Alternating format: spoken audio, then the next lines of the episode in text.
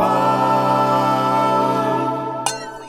Vi har kommet inn i et lite sånn eh, fettstoffer i blodet-rush når det gjelder disse blodprøvene vi driver og snakker om. Ja, altså midt i forhjulstida, med ribbe, pinnekjøtt, medister og eh, alt som er godt, Ja. så har du tenkt å sitte og snakke om fett. Ja, ja, altså dessverre så blir det sånn. For på tolvteplass så kommer det dårlige kolesterolet. Altså LDL-kolesterolet. Ja, Men det målte man ikke for noen år tilbake. Nei, for da kalkulerte man det, Ja. og da måtte man være ekstremt fastende for å kunne gjøre en kalkyle av eh, LDL. Ja.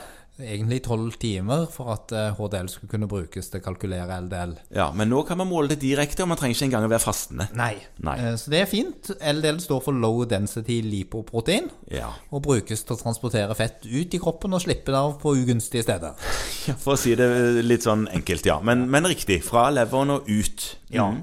Og den prøver man tar for å kalkulere hjerte-kar-risiko, og for å kartlegge noen sånne tilstander som familiær hyperkolesterolemi. Ja. Det hører med til denne her eh, fettstoffskifteutredningen som vi holder på med. Og siden vi nå snakker om LDL, og snakket om HDL i går, eh, hadde man egentlig trengt å ta HDL lenger nå? HDL har nok begrensa verdi som isolert risikofaktor, og de fleste nye studier gjøres på LDL. Ja. Eh, Og da bringer vi oss videre til det interessante, altså at normalverdiene for LDL, Ja. hvis vi går inn og ser på sånt labark, det er for mennesker mellom 30 og 50, så er det mellom 1,4 og 4,7. Og for de over 50, eller 49 år og eldre, så er det mellom 2 og 5,3 millimol per liter. Det er ganske mye høyere jo eldre du blir, da. Ja, og, og nå er vi inne på den verste av alle løgner, er det ikke det? Statistikk. Fordi Ja. at dette er det som er normalt å finne, men her er vi da igjen i den interessante situasjonen at det er livsfarlig å ha et normalt kolesterol.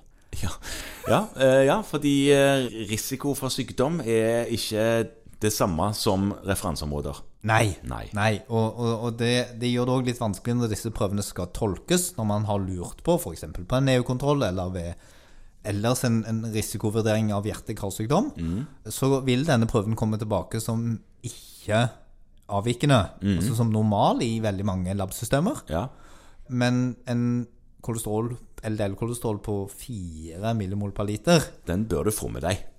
Ja, i hvert fall hos en pasient som ellers har litt risiko. Ja, Eh, Fordi at der er det sånn at nå anbefaler man i det man kaller for primærforebygging, at den er under 2,5.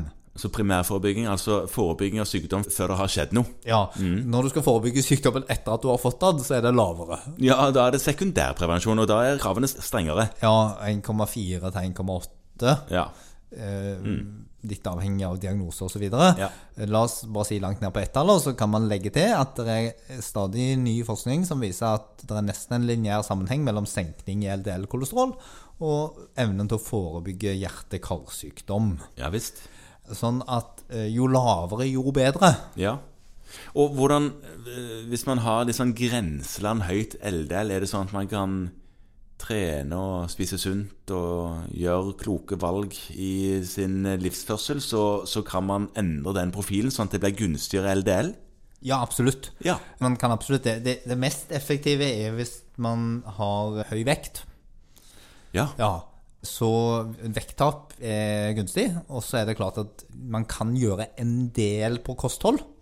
Så spiser man en kartong egg om dagen, så Mm. Ja. vil det slå inn i kolesterolet litt. ja. Eh, Redusert inntak av metta fett er gunstig på å senke LDL-kolesterol. Ja, Eh. Men det er ingen tvil om at svært mange trenger medikamentell støtte for å komme under anbefalte verdier på LDL. Ja. Prøven ellers er på en måte ganske robust blitt. Kan Ja. tas eh, på et vanlig serumglass og nesten når som helst Ja. og sendes til et eh, relevant laboratorium. Mm. Og så er det sånn at lave verdier kan også ses. Og det er Ja. kanskje sånn i forhold til feilkilder litt nyttig å se på. Det er hvis du har samtidig sykdom. Ja. Og du kan få det eh, hvis du har betennelser, f.eks. Så kan du få Ja. lave verdier. Så igjen så er det en prøve som hvis du skal kalkulere framtidig risiko, husk på at prøven blir tatt i stabil fase. Mhm. Og det gjaldt jo HDL òg. Ja, Ja. og disse henger jo Det er veldig sjelden altså, Litt rart når du ser på sånn labbstatistikker at de kommer ut forskjellig, men det er egentlig sjelden at de tas hver for seg. Ja, De kommer jo opp ved siden av hverandre, så kanskje er det ganske likt. Det er ganske tett Ja, på. ja.